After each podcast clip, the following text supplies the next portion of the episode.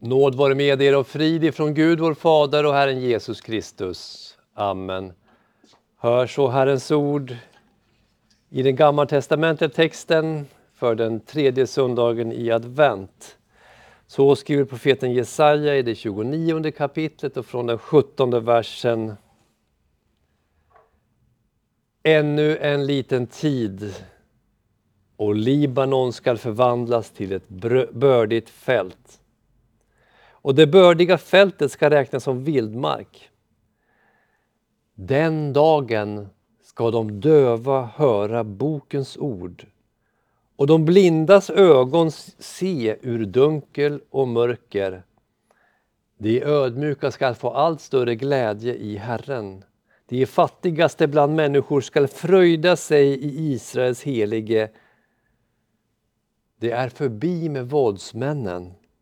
Det är slut med hånare. Alla som ville det onda skall utrotas, det som genom sitt ord kom en människa att synda.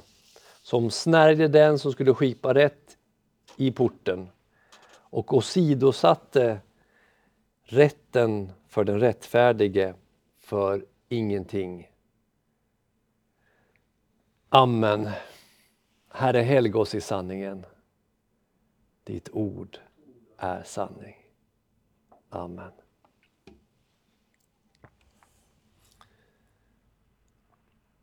Ett kungarike var Juda och Israel. Idag talar profeten Jesaja om upprättelse.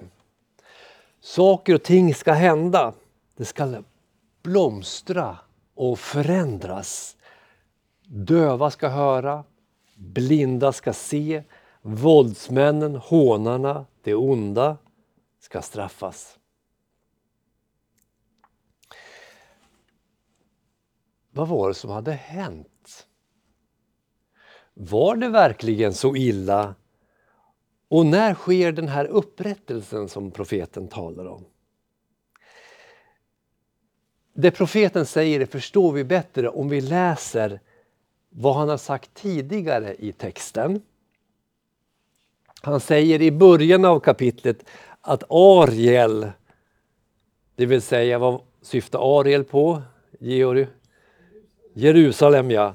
Ariel ska belägras och anfallas.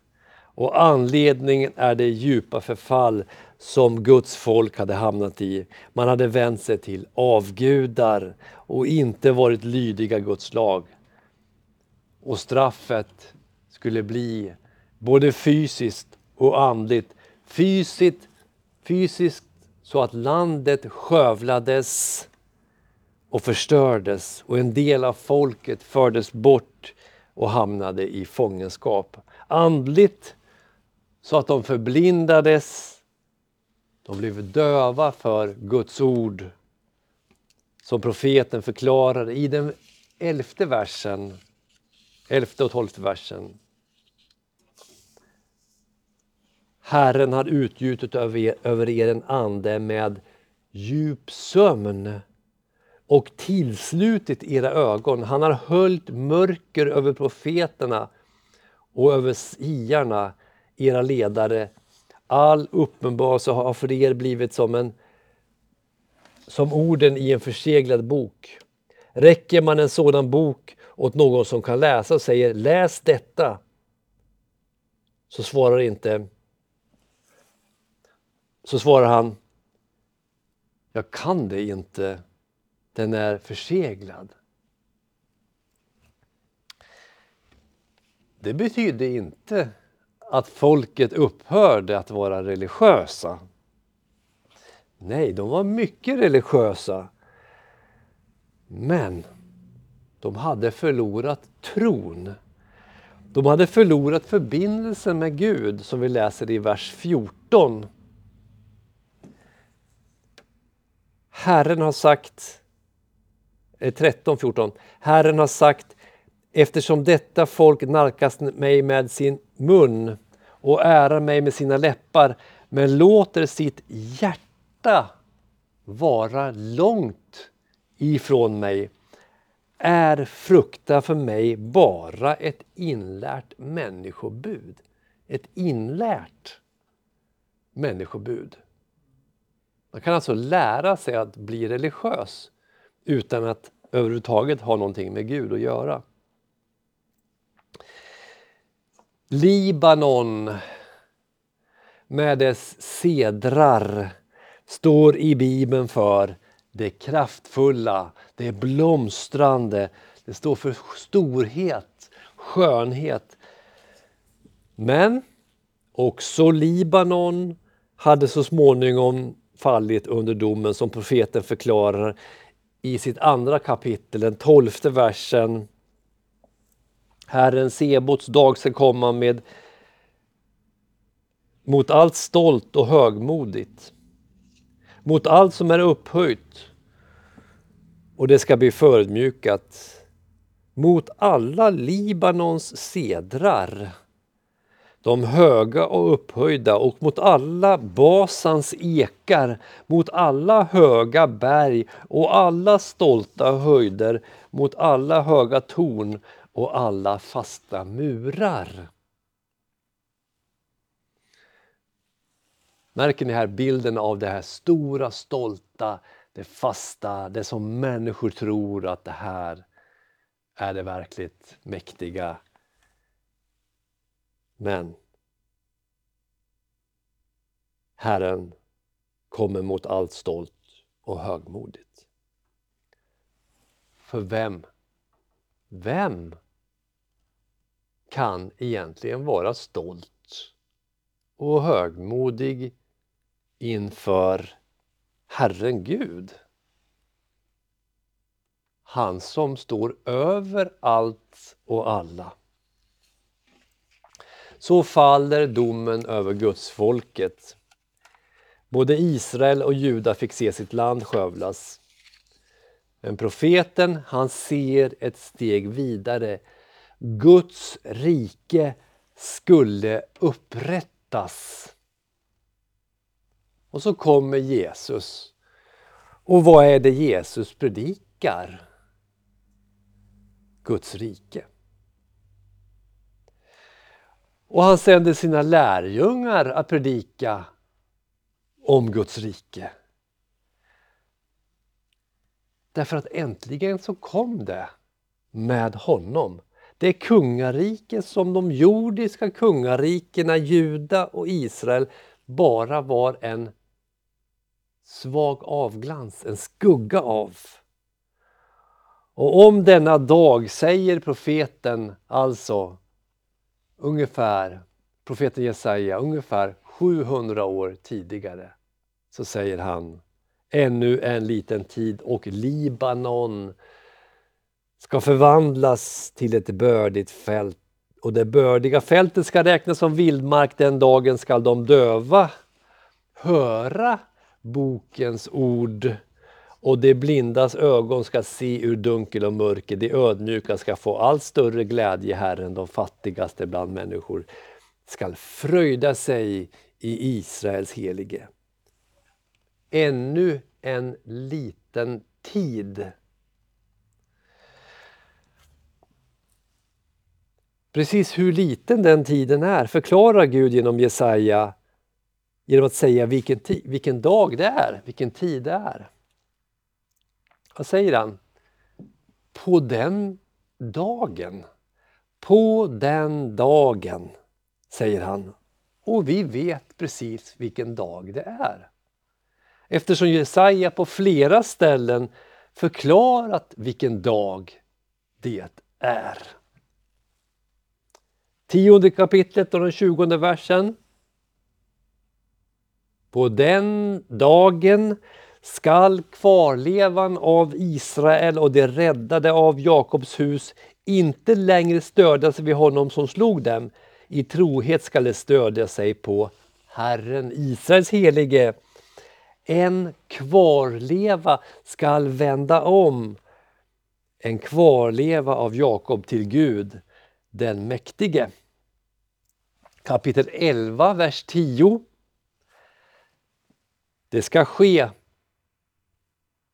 på den dagen att hedna folken ska söka Isais rot. Det var den här texten vi talade om för någon söndag sedan. Där han står som ett baner för folken och hans boning ska vara härlig. Kapitel 12, vers 1. På den dagen, observera samma ordföljd, på den dagen skall du säga, jag tackar dig Herre, du var vred mot mig, men din vrede har upphört. Och du tröstar mig. Kapitel 17, vers 7. På den dagen skall människorna blicka upp till sin skapare, blicka upp till sin skapare. Deras ögon skall se på Israels helige. Kapitel 25, vers 9. På den dagen skall man säga Se här är vår Gud. Honom väntade vi på, han skall frälsa oss. Ja, här är Herren som vi väntade på. Låt oss vara glada och fröjdas över hans frälsning. Kapitel 28, vers 5. På den dagen skall Herren Sebaot bli en härlig krona och en strålande krans för kvarlevan av sitt folk. Den dagen är alltså frälsningens dag. Det är dagen då Kristus kom till vår jord. Det är den dagen han vandrade här, undervisade och samlade lärjungar. Samlade vad då? Kvarlevan av Israel. Dagen då han på korset vände Guds vrede till kärlek genom att låta straffet falla över sig själv. Den dagen då han segrande steg ur graven för att Gud skulle förklara världen rättfärdig på grund av Kristi försoningsverk på korset. Den dagen är Messias dag. Den dagen är frälsningens dag. Det som var krossat och förnedrat, Libanon med sina sedrar, blomstrar nu. De döva hör och de blinda får sin syn. Ja, det ser vi ju i Jesu verksamhet, i Jesu liv. Men inte bara fysiskt utan också andligt. När evangeliet, det glada budskapet ljuder. Guds rike kommer äntligen och blommar ut som det var tänkt från början. Folket var andligt blinda, andligt döva. Man förstod inte när Guds ord lästes. Man hörde inte, man såg inte undren i Guds undervisning.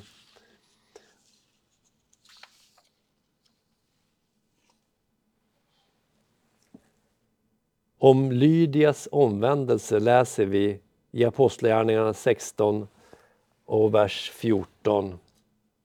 Vad står det där? Herren öppnade hennes hjärta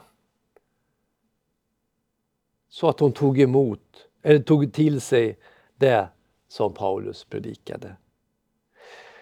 Och juden Paulus, hur var han? Han var ju också blind. Inte bara tillfälligt fysiskt på Damaskusvägen, han var blind andligt. Men Gud öppnade hans blinda ögon. Den uppståndne Kristus själv gav honom synen tillbaka fysiskt och andligt.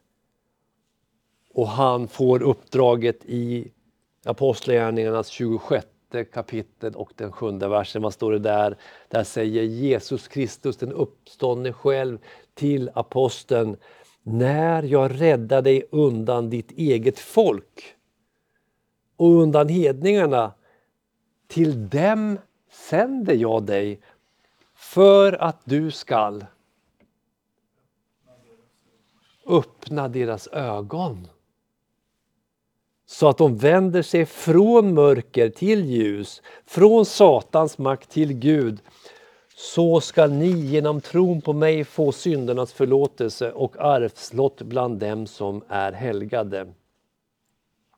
Ja, av naturen är vi andligt blinda och döva för sanningen i evangeliet, budskapet om vår frälsare Jesus Kristus. Vi ser inte, vi hör inte vad det handlar om. Men genom samma evangelium så lyfter Gud genom sin ande slöjan från våra ögon så att vi ser, så att vi hör. Ser vi att Jesus är den som på korset sonat våra synder och utplånat vår skuld. Hör vi i våra hjärtan att han förlåter oss allt för blodets skull, det blod som har utgjutits för oss. Den dagen vi hör och ser att Jesus är den som Gud säger att han är så besannas profetens ord också på oss. Precis som de gjorde för kvarlevan i Israel, förbundsfolket. Den dagen, vers 18, så står det, den dagen skall de döva höra bokens ord. Och de blindas ögon se ur dunkel och mörker. Gud säger genom profeten vidare, vers 19. De ödmjuka ska få allt större glädje i Herren. De fattigaste bland människor ska fröjda sig i Israels helige. Här beskrivs de som har fått sina ögon och sina öron öppnade genom den helige Ande.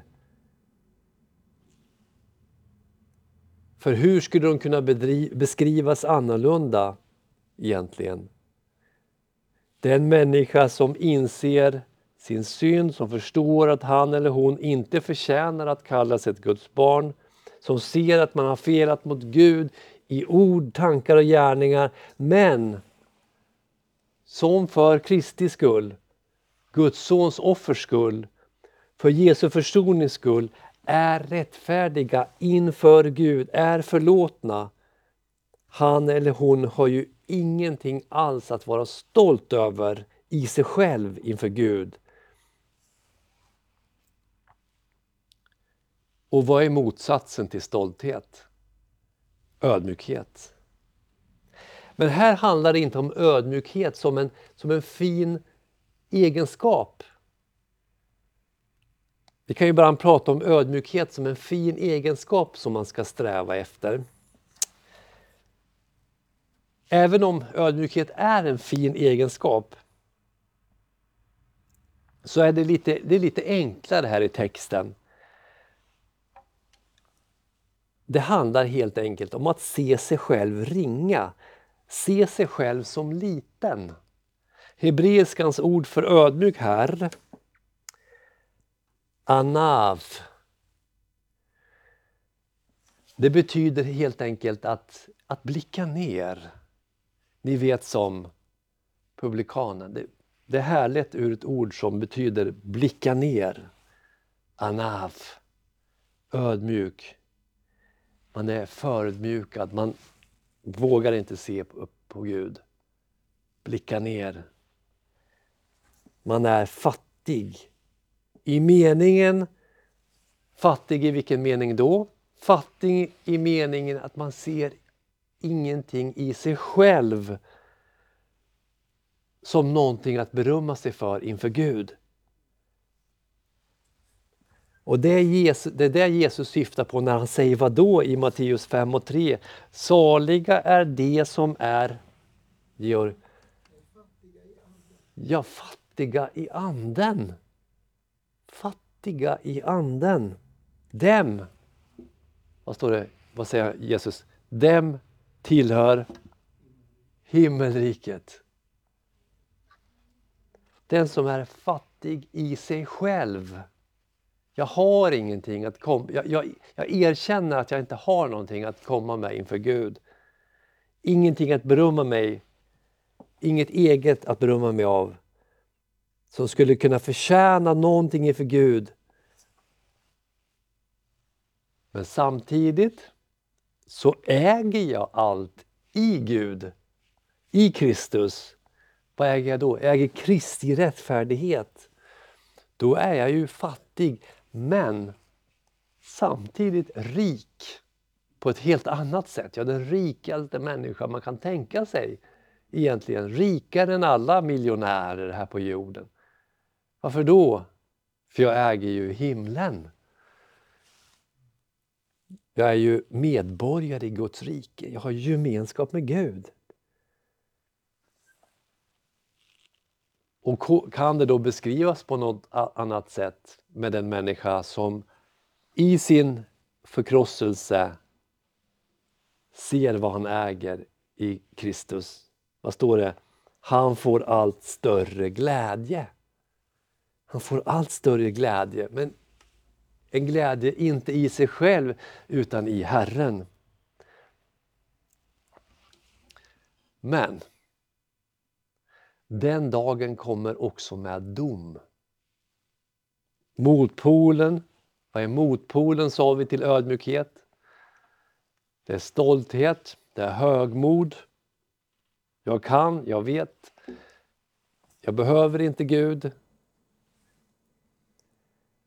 Den högmodige hånaren beskrivs med orden det är förbi med våldsmännen. Det är förbi med hånare. Alla de som ville det onda ska utrotas, det som genom sitt ord kom en människa att synda. Som snärjde den som skulle skipa rätt i porten och åsidosatte rätten för den rättfärdige för ingenting. Här avbildas ju, märker ni, de som behandlade Jesus illa. De som hånade honom. Vad gjorde de mer? De försökte ju snärja honom och de åsidosatte hans rätt. Han den rättfärdige, när de, de kallade till och med in falska vittnen inför översteprästen Kajfas och det stora rådet. Men här avbildas alla Guds barn i alla tider som har behandlats illa. Vad står det om dem som behandlar dem illa? Det skall utrotas, står det i folkbibeln. Men egentligen så står det här kareth, som betyder brytas bort. De ska brytas bort eller skäras av för gudsfolket. Va? Vi tänker på att nu talar ju profeten till gudsfolket. Gudsfolket, Guds eget förbundsfolk, det är ju de som är förenade med Israels helige, med Kristus genom tron. Och de i Israel som inte tog emot Messias, Messias, Kristus som är han är ju det sanna olivträdet. De som inte tog emot Kristus, Messias. Vad står det om dem på olivträdet? De bröts bort som grenar från olivträdet. Och vad är, vilka är det som är kvar på olivträdet? Vad kallas de i skriften? Så de som blev kvar. De kallas för, som vi nämnt i dagens text, eller i några verser, kvarlevan. Kvarlevan, det är de som blev kvar. Det är alla judar som trodde på Kristus. Det är kvarlevan. Och alla hedningar, vad är de för någonting? vi är ju de som har ympats in i olivträdet. Romarbrevet 11 och 20. För sin otros skull bröts de bort. Men du står kvar genom tron, var inte högmodig utan lev i fruktan, säger aposteln. I en tid för 2700 år sedan då det gamla gudsfolket varnades för dem för, för den dom som skulle falla när landet intogs. Templet förstördes och folket fördes bort i det sammanhanget så talar profeten om den blomstrande tiden. Att det nya Gudsriket skulle komma som är helt annorlunda. Och så får vi det nya förbundets skrifter som talar om kungen. Hur han föddes i Betlehem, han som är Israels helige, som vi tillsammans med änglarna, tillsammans med de vise männen, tillsammans med herdarna gläder oss över i jultiden och i adventstiden. Han är vår kung. Men en helt annorlunda kung som härskar inte i makt utan i nåd vars krona inte är av guld utan av törntaggar som man pressar över hans huvud. En kung som segrar, inte genom krig utan genom att dö på ett kors. För att den ondska, den synd som vi har dragit över världen skulle sonas. Skulden betalas med hans utgjutna blod. Och på den tredje dagen så uppstår han ur graven som segrare över synd och död och skuld och dom för att vi skulle stå fullkomligt rättfärdiga och rena i och genom honom. Efesierbrevet 2.8 Av nåden är ni frälsta genom tron och det är inte av er själva. Guds gåva är det, inte på grund av gärningar för att ingen skall berömma sig.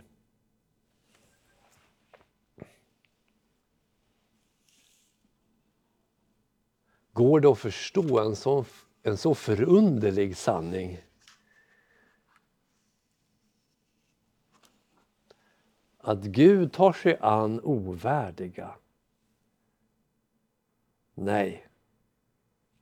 Men Gud öppnar våra hjärtans ögon och öron med sin helige Ande så att vi hör bokens ord och ser med våra blinda ögon ur dunkel och mörker.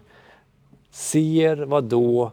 Ser att våra synder är förlåtna i Kristus på korset och hör avlösningen. Gå i frid. Dina synder är förlåtna.